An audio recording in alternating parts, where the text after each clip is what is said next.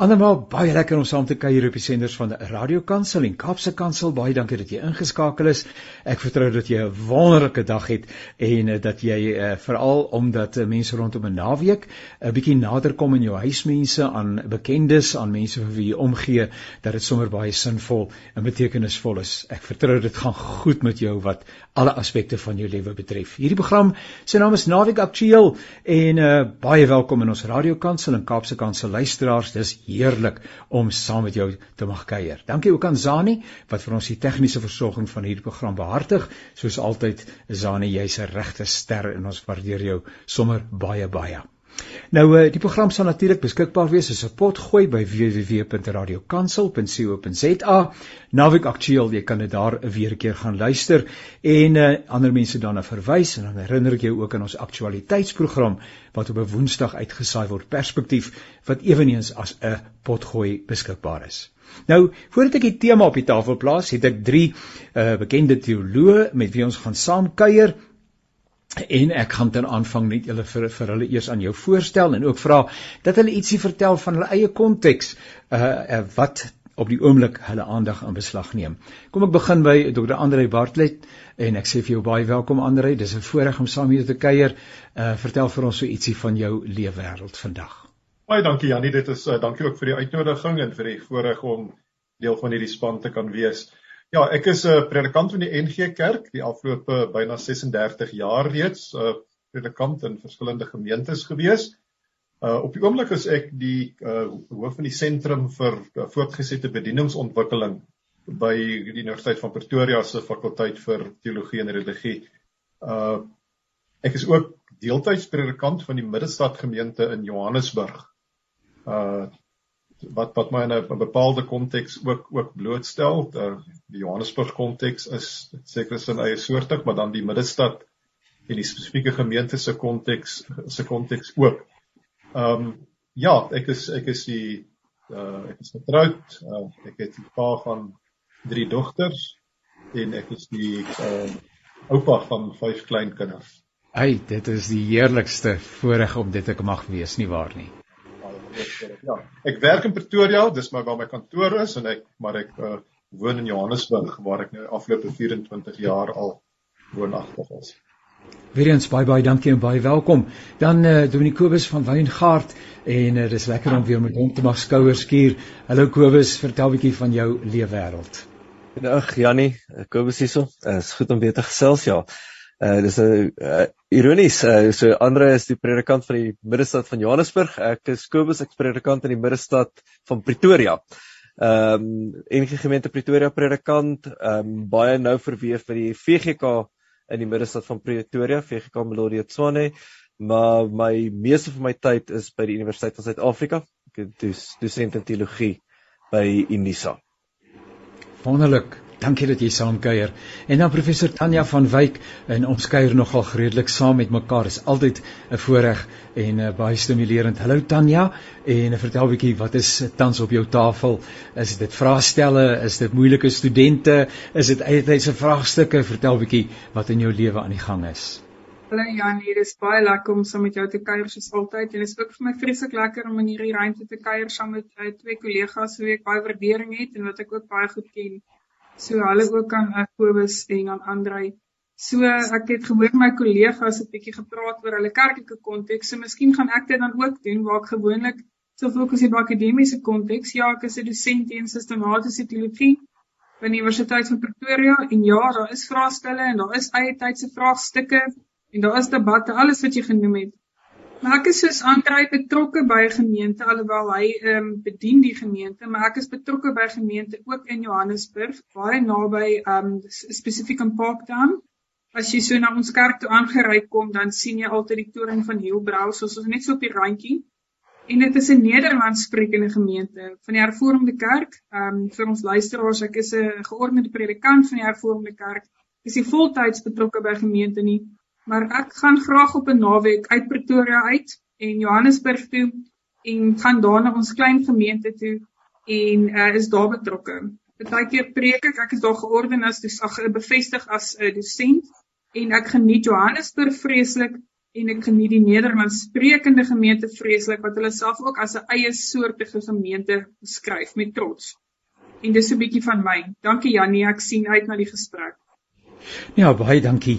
Aanleiding tot die gesprek is eh, twee goeters wat my aandag getrek het. Die een is 'n bydra wat in Kerkbode uh, verskyn het. Ons luisteraars is sekerlik bekend met die Kerkbode, uh, eie tyd se heerlike dinamiese kerklike tydskrif uh, wat ook uh, natuurlik op sosiale media beskikbaar is. Aanleiding tot ons gesprek is 'n artikel wat geskryf is deur Dominee François Mulder onder die opskrif oor geloof en dekonstruksie. Al daai term klim uit die kollig en draai die spreilig om.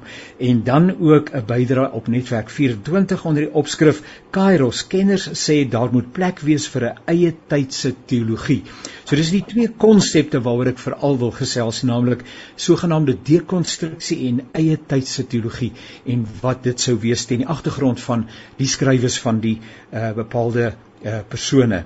Nou, miskien kan ek begin deur dan nou te vra ehm um, kollegas Andrei, Kobus, Tanya, ehm um, die woord teologie is op die tafel. So wat is teologie dan nou? Uh, uh wat is die konteks? Wat is die rykwyte van die teologie? Wanneer is ons met teologie besig?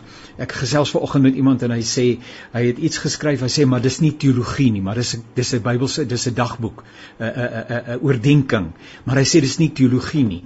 Nou ek gewonder maar wat is dit dan nou anders? So, wat is teologie dan nou? Uh, uh Janie ja, teologie soos die woord eintlik sê is om oor God te praat. Uh teologie is spreuke oor God. Dis mens, dis die menslike poging om dit wat oor God geopenbaar is uh te verwoord, te verstaan, te interpreteer. En as mens oor God praat, dan beteken natuurlik mens praat oor God uh as die skepper van hemel en aarde. Dit wil sê mens praat eintlik oor alle dinge, maar jy praat daaroor in die lig van die feit dat uh dit met God verband hou. So mens praat oor die menslike lewe, mens praat oor die skepping, Uh mens praat oor die geskiedenis, mens praat oor die toekoms, mens praat oor die hede, uh want dit alles hou verband met God. God is nie 'n aspek van die werklikheid nie, God is die omvattende werklikheid. Uh en teologie is ons menslike poging om uh oor God te praat en om die verband te verstaan tussen God en en ons lewe, die verband te verstaan tussen God en die wêreld, die verband te verstaan tussen God en die en die skepping uh om die geskiedenis te probeer interpreteer in die lig van God, om die toekoms te, te verstaan in die in die lig van God. En ek dink die belangrike ding is om te sê dat teologie is nie openbaring nie. So daardie sin uh kan mens sê daar is iets soos die gebaande weef van die teologie nie. Teologie is is altyd is is 'n dinamiese proses wat voortgaan deur die geskiedenis om te praat oor die werklikheid van God en om die werklikheid te, te, te probeer verstaan. Maar dit is 'n menslike poging, dit is mense wat praat en wat omdat dit mense is, is dit uh is feilbare mense. En daarom is teologie ook dinamies, dis 'n voortgaande gesprek want mense kom tot nuwe insigte, mense ontdek ou insigte, uh mense is in gesprek met mekaar, mense stem nie oor alles saam nie en in die voortgaande gesprek uh, uh ontwikkel die die teologie. So by byvoorbeeld dink ek is belangrik om te sê teologie is nie staties nie. Teologie is dinamies. Die teologie is 'n 'n voortgaande proses, 'n voortgaande proses van mense om oor God te praat. En ja, dan eh, die die onderskeid tussen wat is dit teologie of net geestelik, dit is so 'n bietjie 'n 'n waarskynlik 'n verkeerde onderskeid. Uh alles spreuke oor God is teologie. Party daarvan is meer populêr, ander is miskien meer akademies. Uh maar teologie is is eintlik so wyd soos ja, so wyd soos die Here se genade en en die deelnemers in teologiese gesprek is is almal wat oor oor God praat of dit uit akademiese uh hoek is of uit 'n meer populêre hoek uh almal is deelnemers aan hierdie teologiese gesprek. In aansluiting daarbey Tanya en Kobus help vir my en Andre het die woord openbaring gebruik gesê teologie is nie openbaring nie. So wat sou wat beteken dit? Eh, wat is Openbaring dan? Tanya Kobus. Kobus, gaan jy waag eers? Nee, gesels gesels gerus aan Tanya. Sy nou Andrei um se volledige inleiding dink ek nie in daai opsig daar's enigiets wat ek daarsou wil bysit nie. Um Openbaring kan eweveel soos teologie soms 'n gelaaide konsep wees dink ek. En um ek dink nie mense kan Openbaring los sien van die ervaring van gelowiges elke dag nie. En van ons ek is 'n sistematiese teoloog, so groot gedeelte van my werk handel spesifiek oor as ek nou met praat oor teologie, praat ek van die grammatika van geloof, nê, nee, dis die taal, dis die konsepte, dis die woorde wat ons gebruik om iets te probeer uitdruk van 'n werklikheid wat buite ons ehm um, onmiddellike tasbare ruimte is, maar ook terselfdertyd baie naby. En in daai opsig is ons vroegste geloofsbelijdenisse wat eers baie later aan kerkleer geword het. En as mense dit nou wil dogma of of of, of so noem wat ek persoonlik nie baie van die woord hou nie. Maar lank voor dit was ons grammatika van geloofstaal gegrond op ervaring en op belydenis van 'n dinamiese werklikheid. En Openbaring wat ons het om van God te weet, kom van verskillende plekke af. Um en uh, dit kan nie losgesien word van hoe mense God ervaar het en dit uiteindelik omgesit het in hulle liturgie en hulle rituele en toe dit omgesit het in 'n bepaalde meer formele belydenis wat uiteindelik kerkleer geword het. So ons moet altyd daai roete dink ek in gedagte hou dat uh, wat ons weet van God was 'n dinamiese beginpunt, nie 'n statiese een ten opsigte van kerkleer nie. Ek sal graag hoor wat Jakobus ook sê. Hmm. Ja nee, as jy praat oor openbaring, ek dink oor oor op openbaring as dit wat ontvang is. Ehm um, ek bang dat gewoonlik wanneer ons die woord gebruik en ek dink Tanya jy jy jy neem ons reeds in daai rigting dat dat ons moet of nie dis nie waar jy gaan jy waarskynlik weet dat ons nie, nie daarin moet gaan nie baie baie keer as ons die woord openbaring gebruik dan dink ons aan iets staties dis iets wat eenmalig gebeur het eenmalig amper half in in 'n platvloer se stel in die lug uitgeval het. Meeste van ons kan oor ons eie geloofslewe praat en dan sal ons op punte kom wat ons sê maar hier's ook goeters wat opwys is aan my geopenbaar is. Ek het tot 'n oortuiging gekom waar ek oortuig was hier ontvang ek iets hier ontvang ek insig hier praat God met my. Natuurlik is daar 'n lang storie van openbaring. En dit is die kerk wat terugkyk en sê maar maar ons het goed ontvang. Ons het ons het iets ontvang van God af wat ons wil oorgee weer aan ander. Ehm um, en natuurlik dan praat ons oor tekste wat wat ons die kerk op 'n punt op teruggekyk en gesê het maar hier in hierdie tekste ons noem dit vandag die Bybel en hierdie woorde wat op papier lê hier is is daar iets aan ons openbaar. En ons praat uit, uit spesifiek oor gebeure persoon mense wat sê maar ons het geleef saam met die persoon Jesus God is aan ons openbaar ons het dit ontvang en en dan begin ons probeer sin maak daarvan en dan dan kom die grammatika in waarvan waarvan Tanya praat en die die woorde waarvan Andrei praat wat ons eh, generasie op generasie probeer reflekteer op dit wat ons ontvang het en sê maar wat beteken dit dan nou? Hoe maak ons sin daarvan hier waar ons is? Ehm um, en teologie dan hierdie hierdie breë gesprek, natuurlik ook die spesifieke gesprek. Teologie is partymal ook akademie. Teologie is partymal ook 'n dissipline. Ek dink daar's partymal so 'n bietjie verwarring wat wat wat kan inkom. Partymal is teologie dat ons van ons medegelowiges taak om te sê maar wees vir ons in gesprek met die ander wetenskappe uh van die dag. Help ons dat die kerk verteenwoordig word daar dat ons die insigte wat die kerk het ook daar laat hoor en laat ons ook luister na die insigte van die wetenskappe en van die sosiale wetenskappe en sosiologie om om beter te kan verstaan wat dit sal beteken om in God te glo, om kerk te wees vandag. So teologie het hierdie breë algemene betekenis. Nou partymal het die teologie ook hierdie baie spesifieke rol waar ons 'n deel van die kerk taak om ook aan 'n redelik gespesialiseerde gesprek te gaan deelneem. En iewers tussen hierdie twee, dink ek kom op partymal 'n bietjie verwarring, maar hierdie kerk nog altyd gesê dis beide vir ons belangrik. Sien die een of die ander nie, ons wil aan beide vashou. Nou nou ek hoor wat julle sê en ek dink saam met julle hardop ons sou kon sê dat ons het die openbaring van God in die woord dis tog ons basisdokument as ek dan die woord openbaar wil gebruik. Maar nou het ons twee uitdagings nommer 1 is ons verstaan van dit wat God oor homself sê is beperk want ons kyk soos mense na 'n uh, realiteit wat ons eie verstand te bowe gaan volledig uh of in 'n besondere mate te boven gaan en nommer 2 is nou God ook nie alles van homself gesê in hierdie openbaring van hom nie. Hy het ook net 'n gedeelte van homself openbaar. So ek vermoed dat wanneer 'n ou dan nou met met die Bybel omgaan en met die teologie omgaan en so aan dat dit gepas is om 'n enorme stuk nederigheid en voorlopigheid aan die dag te lê. Ja, ek is ek is baie dankie jy gebruik die die die woord nederigheid en en so kon sê met groot omsigtigheid. Uh want die Bybel is natuurlik 'n baie meer komplekse boek as wat hy as wat ons baie keer dink hy is. Die die Bybel is eintlik ook die neerslag van 'n uh, eeuelange gesprek in 'n uh, geloofsgemeenskap wat uiteindelik gestalte gevind het in die boeke van die Bybel. En in die Bybel self sien mens dat dat die, die praat oor God 'n voortgaande proses is. Uh wat in sekere boeke in die Bybel oor God gesê word, uh kom in gesprek met ander dele van die van die Bybel. Ons sien dit byvoorbeeld by Jesus wat sê maar daar is vir julle gesê, maar ek sê vir julle.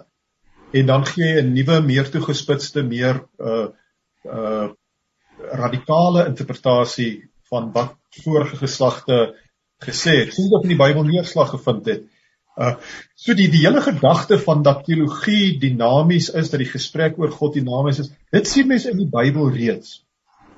En dan natuurlik die die as mens doodgewoon kyk na die geskiedenis van Bybelinterpretasie, dan sien mense dit is dat daar oor die eeue verskil mense van mekaar in hoe jy die Bybel verstaan en hoe jy die Bybel op sekere punte verstaan.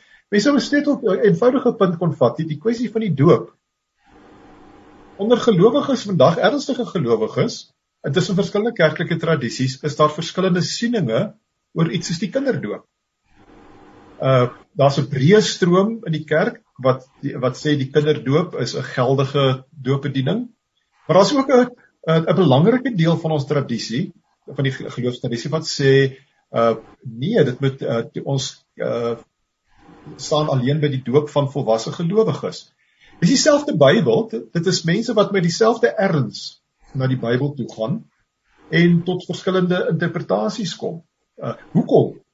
Omdat ons mense is, omdat ons mense is met met met menslike feilbaarheid met beperkte insig en presies die punt wat jy gemaak het is dat God is soveel meer as wat ons oor God kan sê.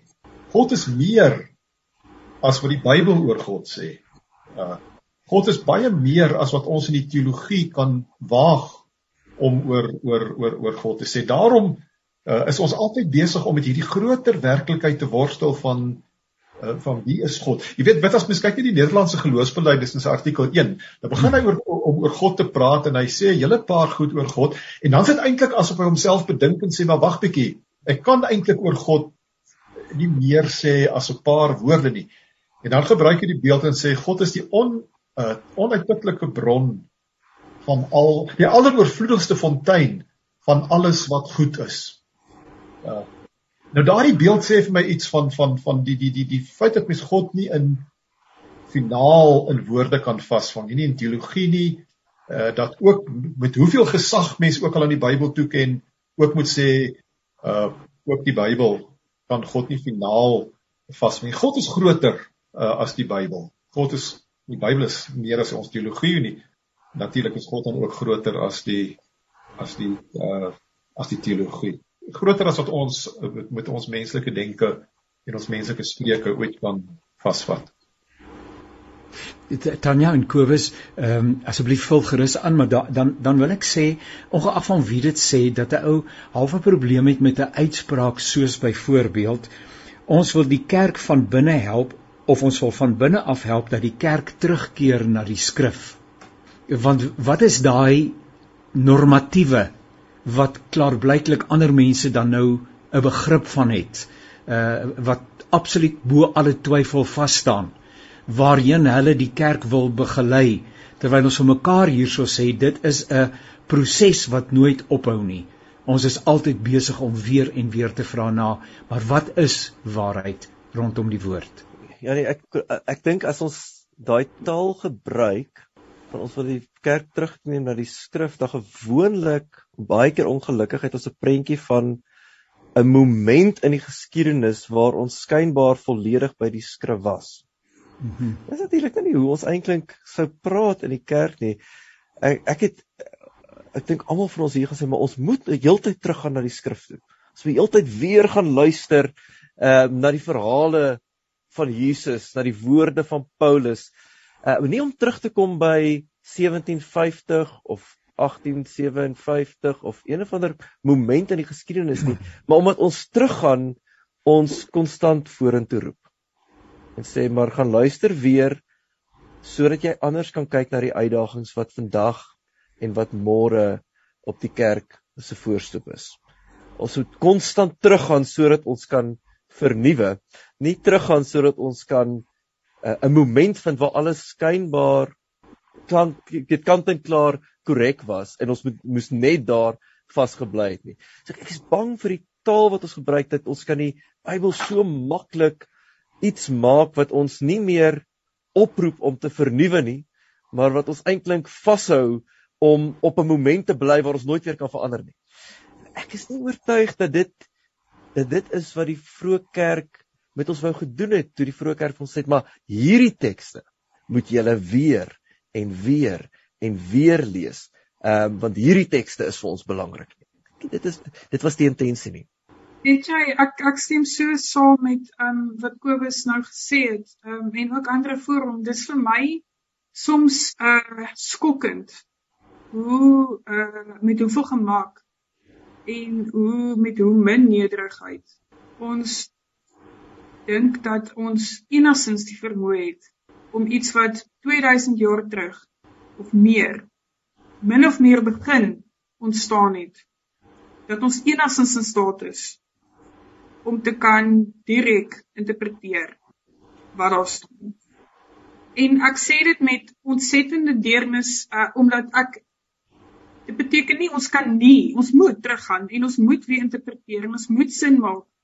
Ons kan nie anders nie want vir my het die Bybel gesag omdat dit met te doen het met die geloofsgetuienisse van regte mense wat regtig oor God worstel en uiteenlopend oor God worstel en beslis nie vir ons sê ooit alles gaan oukei okay wees, alles gaan mooi wees, die lewe is 'n fantastiese plek.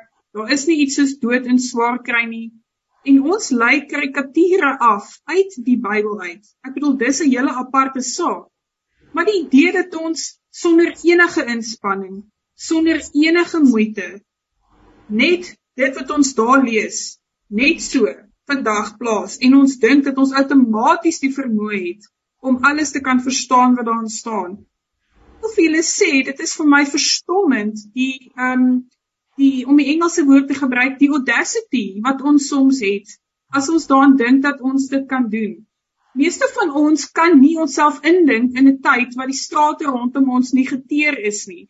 Alhoewel moet ek tong in die kies sê, ons verstaan dalk miskien nou omdat ons 'n paar gate in die pad het. So miskien gaan ons binnekort verstaan wat dit beteken om op 'n pad te ry wat nog nie geteer was nie. Maar ons kan nie onsself eers indink nie.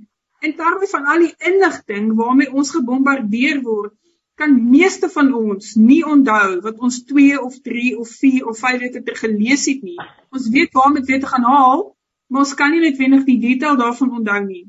So nou dink ons ons wat nie so lank ver kan terug onthou nie, kan iets wat 2000 jaar min of meer oud is, 'n versameling van boeke, kan ons klakkeloos interpreteer asof dit die maklikste ding in die wêreld is. Nee. Nee, ek jammer. Ja nee ja, ek het ook ek ek, ek stem volmondig saam met Kobus en met Tanya. Uh, Daai stelling van ons wil die kerk help om terug te keer na die na die skrif is 'n problematiese stelling omdat dit eintlik 'n groot klomp veronderstellings in het. Ek sou wou begin om te sê ek sou dit hervou wou herformuleer en sê ons moet mekaar help om te verstaan wat die Bybel oor God sê en wat die implikasies vir ons in ons tyd is. Die die implikasie om te sê ons wil die kerk help beteken daar is 'n groep mense wat die ware insig het, wat die volle uh, waarheid het en wat eintlik die verantwoordelikheid teenoor die kerk. Dis hoe ek oor die kerk dink. Nie die kerk is 'n gemeenskap vir gelowiges waar ons met mekaar en saam met mekaar in gesprek bly, waar ons mekaar dus help. Die die ander veronderstelling in daai stelling is dat die by die, die kerk nie met die Bybel besig is nie. Uh maar dat hier 'n groepie is wat wel met die Bybel besig is. Uh natuurlik is die kerk besig met die Bybel. Ek is by teologiese opleiding betrokke en ek kan net sê dit dit is die jy het net hierdie woord brondokument gebruik. Dit is in in in al ons teologiese dissiplines is dit die brondokument. Uh natuurlik in gesprek met met al die ander uh, aspekte van die werklikheid soos met die Nederlandse geloofsblydes ook vir ons sê dat God maak hom ook bekend in die in die groter werklikheid in die in die natuurlike werklikheid. Uh maar maar die die die die die die, die, die voorstelling dat die kerk nie meer met die Bybel besig is nie, is 'n valse veronderstelling. Die feit dat daar dat mense verskillend dinge seker goed in die Bybel verskillend interpreteer, beteken nie die een het die Bybel nie, ander het nie die Bybel nie. Beteken ons het dieselfde Bybel, soos wat ons in die Baptiste dieselfde Bybel het as ons oor die doop praat, maar die Bybelse gegevens op verskillende maniere interpreteer. Net is dit so in die in die in die, in die kerk in Hebreë. Ons werk met dieselfde Bybel, dat die Katolieke natuurlik in die Ou Testament 'n boek of twee ekstra het, maar kom ons gaan nou nie in daai uh, debat in nie. Uh ons werk met dieselfde Bybel, maar omdat ons met ons menslike insig besig is, sal, ons altyd weer op sekere punte van mekaar verskil. Dit was hierdie eeue so gewees.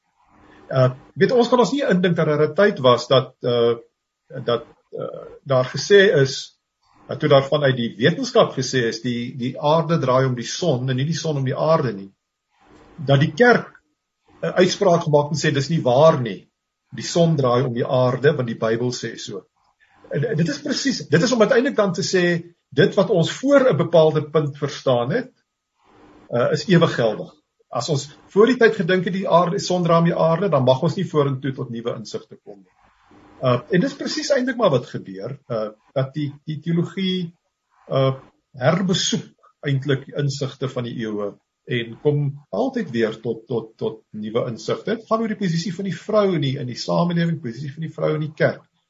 En dit dit dit, dit, dit 200 jaar gelede was dit die hele kwessie van slawerny gewees. Is slawerny regverdig of nie regverdig nie, want die Bybel laat die besit van slawe toe. Uh dit is 'n voortgaande gesprek waar waar daar altyd meningsverskille is en wat daar deur deur gesprekke, deur debatvoering met mekaar tot nuwe insigte uh gevorder word. Uh dit is nie dis nie vreemd nie. Dit ons moet nie daardie bedreig voel bedreig voel nie. Ek dink ek wil net laaste stukkie oor die saak van die Bybel en die interpretasie byvoeg uh, voordat ons ook miskien um, aanbeweeg of miskien nog verder op hierdie onderwerp praat. En dit is wat vir my altyd persoonlik verstommend is, benewens nou wat ek voorheen gesê het wat nou vir my verstommend is, is dat dit mense laat kopkrap dat ons tot verskillende gevolgtrekkings kom oor dieselfde boek. Andrei en Kobus het vroeër verwys na um die herbesoek en die menslikheid um waarmee ons die Bybel benader en die menslikheid waarvandaan dit ook ontstaan het. OK. Onder andere, né? Maar hoekom is dit so 'n probleem as mens dieselfde dokument lees en verskillende um interpretasies kry uit dieselfde geskrif uit? En vir my lyk dit en ek het dit al jare terug gesê toe ek besig was met een van my uh, nagraadse studies dat ek dikwels dink dat wanneer die kerklike gemeenskap in al die diversiteit daarvan soms oor etiese kwessie redekawel en debatteer wat ons moet doen dis gesonde debat dan beteken dit dikwels dat ons die Bybel gebruik as 'n rede vir verkeerde of uiteenlopende standpunte want ons interpreteer die Bybel verkeerd. Maar die Bybel kan altyd op verskillende die verskillende boeke interpreteer word en uiteindelik is dit eerder dikwels met ons etiese kwessie eerder iets oor hoe ons die saak van versoenende verskeidenheid verstaan, reconciling diversity. Dit het eers eerder te doen met of ons verskeidenheid kan verstaan en akkommodeer of ons 'n kreatiewe balans kan vind tussen dit wat ons dieselfde maak en dit wat ons um verskillend maak. En daai balans, lyk like dit vir my is iets wat die mense mee sukkel want hoe meer ons bewus raak van verskeidenheid, let wel, nie hoe meer verskeidenheid raak nie, verskeidenheid is verskeidenheid. Ons kry net 'n beter vermoë om dit te kan artikuleer en te kan waardeer en te kan erken. Hoe meer dit gebeur, lyk dit my hoe meer het ons 'n tipe van 'n laer trek mentaliteit amper om te sê, nie mos kan nie eintlik verskillend oor goed dink nie, want sodra ons verskillend daaroor dink, dan maak dit dit onwaar. En dan is ons weer terug in bepaalde absolute kategorieë. En ek wil vir julle sê dit verstom my eweveel Met ander woorde, ons sit met um mense wat en en, en ons het onsself miskien gefaal in daai opsig dat ons nie vir onsself geleer het hoe om met kompleksiteit en teenstrydigheid te kan saamleef nie want ons wil altyd iets in ergens in 'n in 'n punt van 'n spektrum gaan plaas. En enigiets wat daai absolutes in gedrang bring is problematies en onveilig Nou nou kan ons miskien kan ons nou net nog ietsie daaroor sê, maar kan ons dan nou asseblief die twee begrippe ehm um, eie tydse teologie uh in uh Dr Fritz Gaam se reaksie op 'n bepaalde uitspraak van 'n sekere groep wat tans uh baie aandag geniet, uh het hy gesê maar die uitdaging is om 'n eie tydse teologie te ontwikkel. Kan ons daaroor praat en in die lig van François se artikel wat praat oor dekonstruksie en dit dan nie in 'n positiewe konteks uh, die term gebruik en aanhaal nie. Uh wat behels dekonstruksie dan? of herkonstruksie of watter term moet ons gebruik? Help asseblief julle ouens Kobus, uh, jy is ook daar vir die studente by Unisa. En uh, en en hoe help ons mekaar om 'n dan 'n sogenaamde eie tydse teologie te ontwikkel en ek dag ek sou kon sê as ek sommer stout wil wees en sê, maar ek dag die teologie is eie tyds. Die teologie is relevant. Of is daar 'n verskil tussen relevantie en eie tyds? So lei vir ons in asseblief en kollegas help vir ons. Ja, ja nee baie kort. Ek dink die teologie is eie tyds. Dit relevant is, weet ek nie, maar ek dink die teologie is altyd eie tyds. Ek dink ons maak teologie eie tyds op verskillende maniere.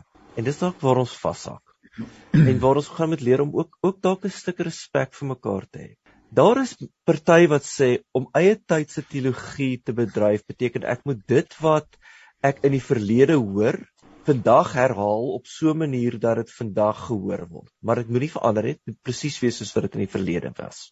Dit was nog altyd deel van wat die kerk gedoen het. Daar is die wat sê ons moet vandag luister na hoe dink mense vandag en ons moet die teologie so vertaal dat dit kan sin maak in die denkwyse van mense van vandag. Dit was nog altyd deel van wat die kerk gedoen het.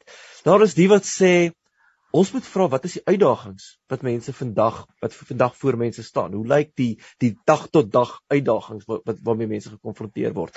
En en die teologie moet daar daaroor kan praat. Alles pogings om die teologie eie tyds te verpak. Eie tydse teologie kan nog steeds 'n honderd verskillende goeters beteken afhangende van van waar af ons praat. En en iewers gaan ons mekaar moet sê dat die kerk het van die vroegste tyd af teologie in 'n volgende generasie op verskillende maniere gedoen. Daar was nog altyd 'n stuk diversiteit want gemeentes het nog altyd in verskillende plekke gefunksioneer. Hulle was in verskillende stede. Hulle was nie altyd in die stede nie, hulle was dalk in boerderygemeenskappe gewees. Hulle was verder of nader van die magsfigure van die dag af gewees. Daarom moes teologie verskillende maniere vind om elke keer in 'n nuwe tyd te sê wat gaan hier aan.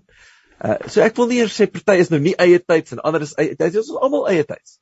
Ons is eie tyds op verskillende maniere. Ek wil graag 'n bietjie net 'n kort stukkie wil aanhaak daarby, maar ten opsigte van hierdie hele saak van dekonstruksie, want ek dink soos wat dikwels gebeur met ander woorde, Ons sien nou in Amerika byvoorbeeld die hele uh, debat wat hoed uh, woed oor die hele saak van wat hulle uh, noem critical race theory en hoe mense uiteenlopende opinies daaroor het en uiteindelik van iets 'n tipe van 'n karikatuur weer eens maak en nie die teorie uh uh, uh enigsins onder die loop geneem het nie en dit 'n tipe van 'n strooipop maak as dit ware. En dit is ook 'n ander gesprek, die hele ding oor critical race theory. Maar die ding van dekonstruksie, dit kan baie keer ook dink ek gebruik word as 'n tipe van 'n strooipop. Met ander woorde, soos 'n 'n bord wat jy kan bietjie ehm um, 'n darts na toe gooi en bietjie dit 'n teken maak. Dekonstruksie wat Jacques Derrida, die Franse filosoof, mee gewerk het, is eintlik inherënt dink ek 'n behulpsame 'n verwysingsraamwerk, 'n begrip en dit is juis nie destruksie nie, dis dekonstruksie. Dit is om goed uitmekaar te haal en dit is om dit te aan mekaar te sit en op 'n ander manier daarna te kyk. En ja, ek bedoel mense kan nogal baie praat oor hoe uh die filosofie of of die konsep van dekonstruksie uh op uh, funksioneel aangewend word en soms op minder funksionele maniere gebruik word en miskien uh, as 'n tipe van 'n sousie uh, uh, geur van die maand ook uh, gebruik word. Maar inherent is is dekonstruksie iets wat behulpsaam kan wees om te kyk waaruit bestaan iets en nie juis noodwendig weg te gooi nie. In elk geval in my werk gebruik ek nie die idee van dekonstruksie op daai manier nie. Dis om te kyk waaruit bestaan iets en te heroriënteer en te herinterpreteer. Ehm um, is in daai opsig in elk geval ten opsigte van my verwysingsraamwerk is is dekonstruksie iets inherent wat uh, funksioneel kan wees. Ek wil nie die woorde gebruik iets wat positief of negatief is nie, maar dan gebruik jy alweer waardeoordele aan iets. En iets het nie in daai opsig 'n waardeoordeel nie. Met met pas dit toe en kan dit gebruik. En soos met alles in die lewe het 'n konsep op 'n bepaalde punt ook 'n bepaalde nuttigheidswaarde oorskry en as dit aanbreek dan moet ons dit ook doen maar dit is 'n handige konsep om te gebruik in ons ehm um, taal en uh, in ons verwysingsraamwerk veral as ons baie modern nadink oor 'n werklikheid wat ons stukkies van verstaan en eintlik baie min in elk geval van verstaan en ruimte maak vir ander mense se verstaan. Um, en dit alles in gesprek bring met mekaar is dekonstruksie 'n nuttige konsep dink ek. Ja. Ja, Janie, ek ek ek, ek uh ek het die artikel van van Dominee Mulder gelees en ek het dit uh, eintlik 'n baie waardevolle bydrae tot die gesprek gelewer. Daar's daar's die grootste deel van sy artikel uh kan kan ek mee saamstem. Die die punt wat wat waar ek uh, wat my vreemd was en dit is dit Tanya nou uitgelig is die die die gebruik van die term dekonstruksie. Dit voel vir my asof hy dekonstruksie beperk tot 'n bepaalde manier van besig wees met die teologie en bedenke. Terwyl dekonstruksie is eintlik maar 'n ander woord vir die proses van voortgaande interpretasie. Want voortgaande interpretasie beteken altyd jy vat insigte van die verlede, jy herbesoek dit, jy haal dit uitmekaar, jy sit dit weer bymekaar, dan kom dit baie keer in 'n nuwe konfigurasie uh na vore. En dit is wat dekonstruksie dekonstruksie is. Uh maar uh uit sy artikel klink dit asof dekonstruksie 'n bepaalde metode is en wat amper onvermydelik lei daartoe dat mense hulle geloof verloor. En dis nie waar nie. Deur die eeue is die kerk besig met herinterpretasie. Jy kry dit in die Bybel self, jy kry dit in die vroeë kerk, jy kry dit in die reformatie, jy kry dit deur die eeue dat die gelowiges in die kerk is besig met herinterpretasie. Noem dit dan dekonstruksie as jy wil in maar dekonstruksie is altyd deel van 'n groter soos Tanya gesê het, rekonstruksie proses. Natuurlik is daar deur die eeue het mense hulle geloof verloor. Maar om nou te sê dit is omdat daar 'n proses van herinterpretasie is, is dit daarom verloor mense hulle geloof. Uh, is wat my betref 'n uh, 'n misplaaste uit, uit, uitdrukking. En die, die inkom word ook in artikel gewek dat daar onder teoloë dan wat nou sogenaamd dekonstruksie pleeg, grootskaalse verlies aan geloof is. Dit is nie waar nie. Die feit dat mense tot nuwe geloofsinsigte kom, tot dieper geloofsinsigte kom, beteken nie altyd in alle gevalle hulle verloor hulle geloof nie. Daar is gevalle waar mense hulle geloof verloor. Uh maar dit beteken nie ons hou op hou op om teologie te bedryf nie. Die artikel self verwys na Demas, waarvan Paulus gesê het Demas het die teenswoordige wêreld liefgekry. Ek het die indruk dat Paulus gedink het Demas het sy geloof verloor. Uh in Johannes 20 lees ons dat die disipel Thomas baie naby daaraan was om sy geloof te te verloor. Uh, dit is iets so oud soos die soos die mensdom self dat mense hulle geloof in God en hulle geloof in die groter werklikheid wat God is uh verloor. En dit het nie te doen met die feit dat mense dink oor God en dat mense vra vra oor God en vra vra oor die teologie nie. Dit is net dat hulle by 'n ongelowige antwoord uitkom.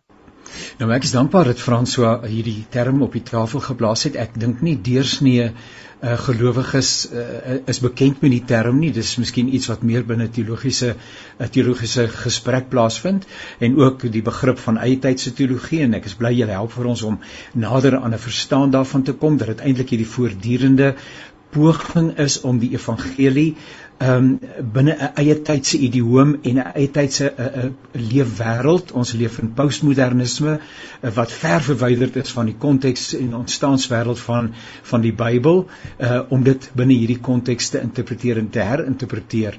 Uh, kan ek dan nou vra ten slotte uh, want want die die uitdaging bly steeds hoe akkommodeer ons ehm um, dan nou binne die onder die sambreel van die koninkryk en God se kerk, uh watter termies dan ook al sou wil gebruik want ons wil deel wees van die universele kerk. Hoe akkommodeer ons dan hierdie verskeidenheid van verstaans horisonne gesigspunte sonder om mekaar etikette om die nek te hang? Uh binne 'n ander konteks word daar gepraat van 'n ruim huis beginsel. Kan ons in die kerk vorder om 'n ruim huis daar te stel waar ons verdraagsaamheid teenoor mekaar het? En mekaar kan akkommodeer. Ek ek dink net hier aan 'n inskrywing wat ek op Facebook raakloop waar 'n uh, gemeente uh vanuit ons eie tradisie ehm um, gevra word twee goeters deur iemand onderskryf julle die kinderdoop en is julle teen homoseksualiteit en selfdgeslagverbintenisse en die dominee antwoord ja ons beïnvloed die ons bedien die kinderdoop om net iets te sê rondom wat Andrej gesê het en ons is teen die beoefening van homoseksualiteit en dan reageer die persoon dan het ek respek vir julle. Nou eh, dit dit laat 'n ou benoud voel. Ek self kan nie binne so 'n omgewing asemhaal nie. Hoe kry ons 'n ruimte geskep waar ons vir mekaar kan sê uh, die helfte is ons nie vertel nie. Dalk is 99% ons nie vertel nie. En ons het nodig om met verdraagsaamheid met mekaar op weg te gaan. Laaste opmerkings in die verband. Andre, kom ek begin by jou. Of is dit nie waantoe ons op pad moet wees nie? Uh ou kerkvader Augustinus het gesê die drie grondbeginsels van die Christelike geloof is nederigheid, nederigheid en nederigheid. Uh, ek dink dis belangrik dat ons maar almal tot die gesprek toetree met met nederigheid. Almal uh toetree met die die feit dat ons uh beperk is in ons insig. Natuurlik het almal van ons oortuigings en ons voel sterk oor ons oortuigings en ons dra ook ons oortuiging sterk oor aan mekaar. Maar ek dink ons moet dit altyd weer terugkom en sê uh dit is my bydrae vanuit my perspektief. Jy het net die woord verstaanshorison gebruik vanuit my verstaanshorison is dit my insig. Uh en dat ons dan en dit is moeilik want natuurlik mense baie van hierdie goeters uh voel mense heftig oor en baie van hierdie goeters raak mense op 'n baie diep vlak. Uh oor en weer na weerskante toe natuurlik, né? Nee. Uh en dat mens moet uiteindelik vir mekaar moet sê dat ons ook deernis moet hê vir mekaar oor hoe ons deur goed geraak word. Hm. Maar dan moet ons onthou dat as ons praat uh oor iets soos of die aarde om die son draai, dan is dit 'n baie meer teoretiese ding. Maar as dit gaan oor hoe mense behandel word, oor as dit gaan oor onreg en gebrek aan uh deernis vir mense en liefdeloosheid, dan praat ons oor goed waaroor dit moeiliker is om mekaar te sê kom ons verskil maar van mekaar hier. Uh as ek oortuig is iets uh dat 'n bepaalde manier wat daar teenoor vroue opgetree word, dat dit onreg is of onreg verteenwoordig, dan gaan ek baie sterker by daarteen uitspreek as wanneer ek my uitspreek teenoor iemand wat sê hy dink die son draai om die aarde. Uh so in 'n sekere sin moet mens mekaar ook sê ja, mense is verdraagsaam, tot op die verste moontlike punt waar mens kan wees. Jy doen dit in nederigheid, maar uiteindelik ook om te sê maar op 'n sekere punt en dit sê die kerk nog altyd kom die waarheid van die evangelie ter sprake. En die waarheid van die evangelie is dat God die wêreld liefhet.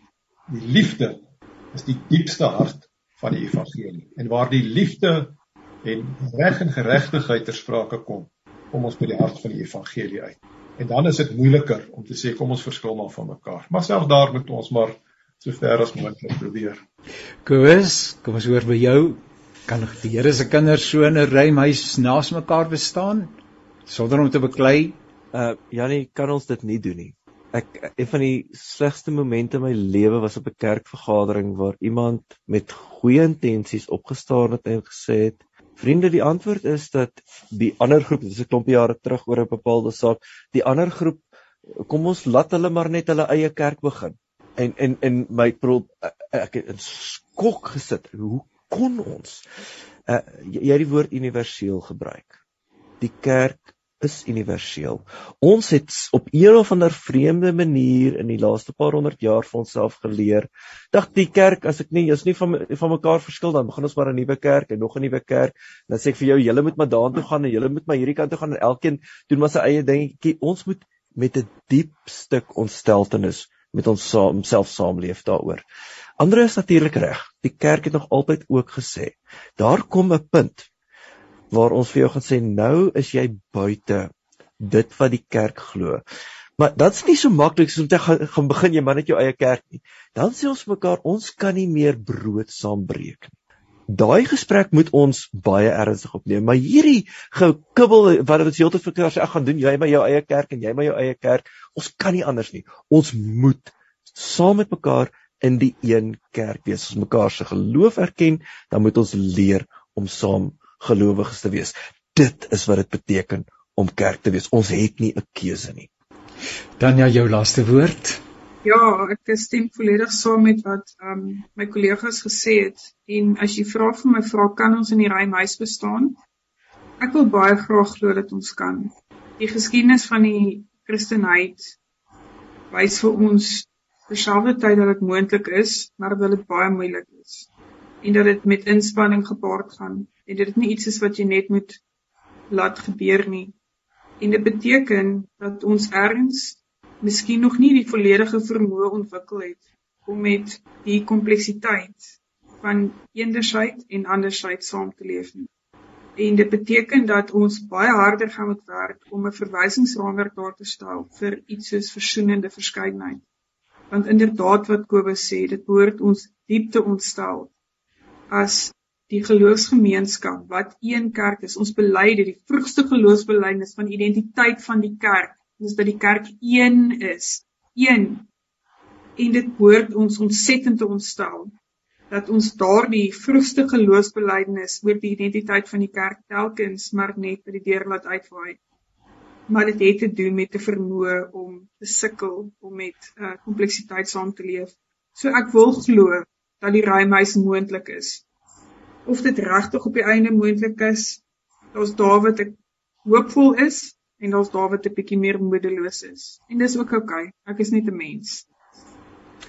Deelnemers aan hierdie program Dr. Andre Bartlett, uh, Dr. Andre baie baie dankie. Waardeer.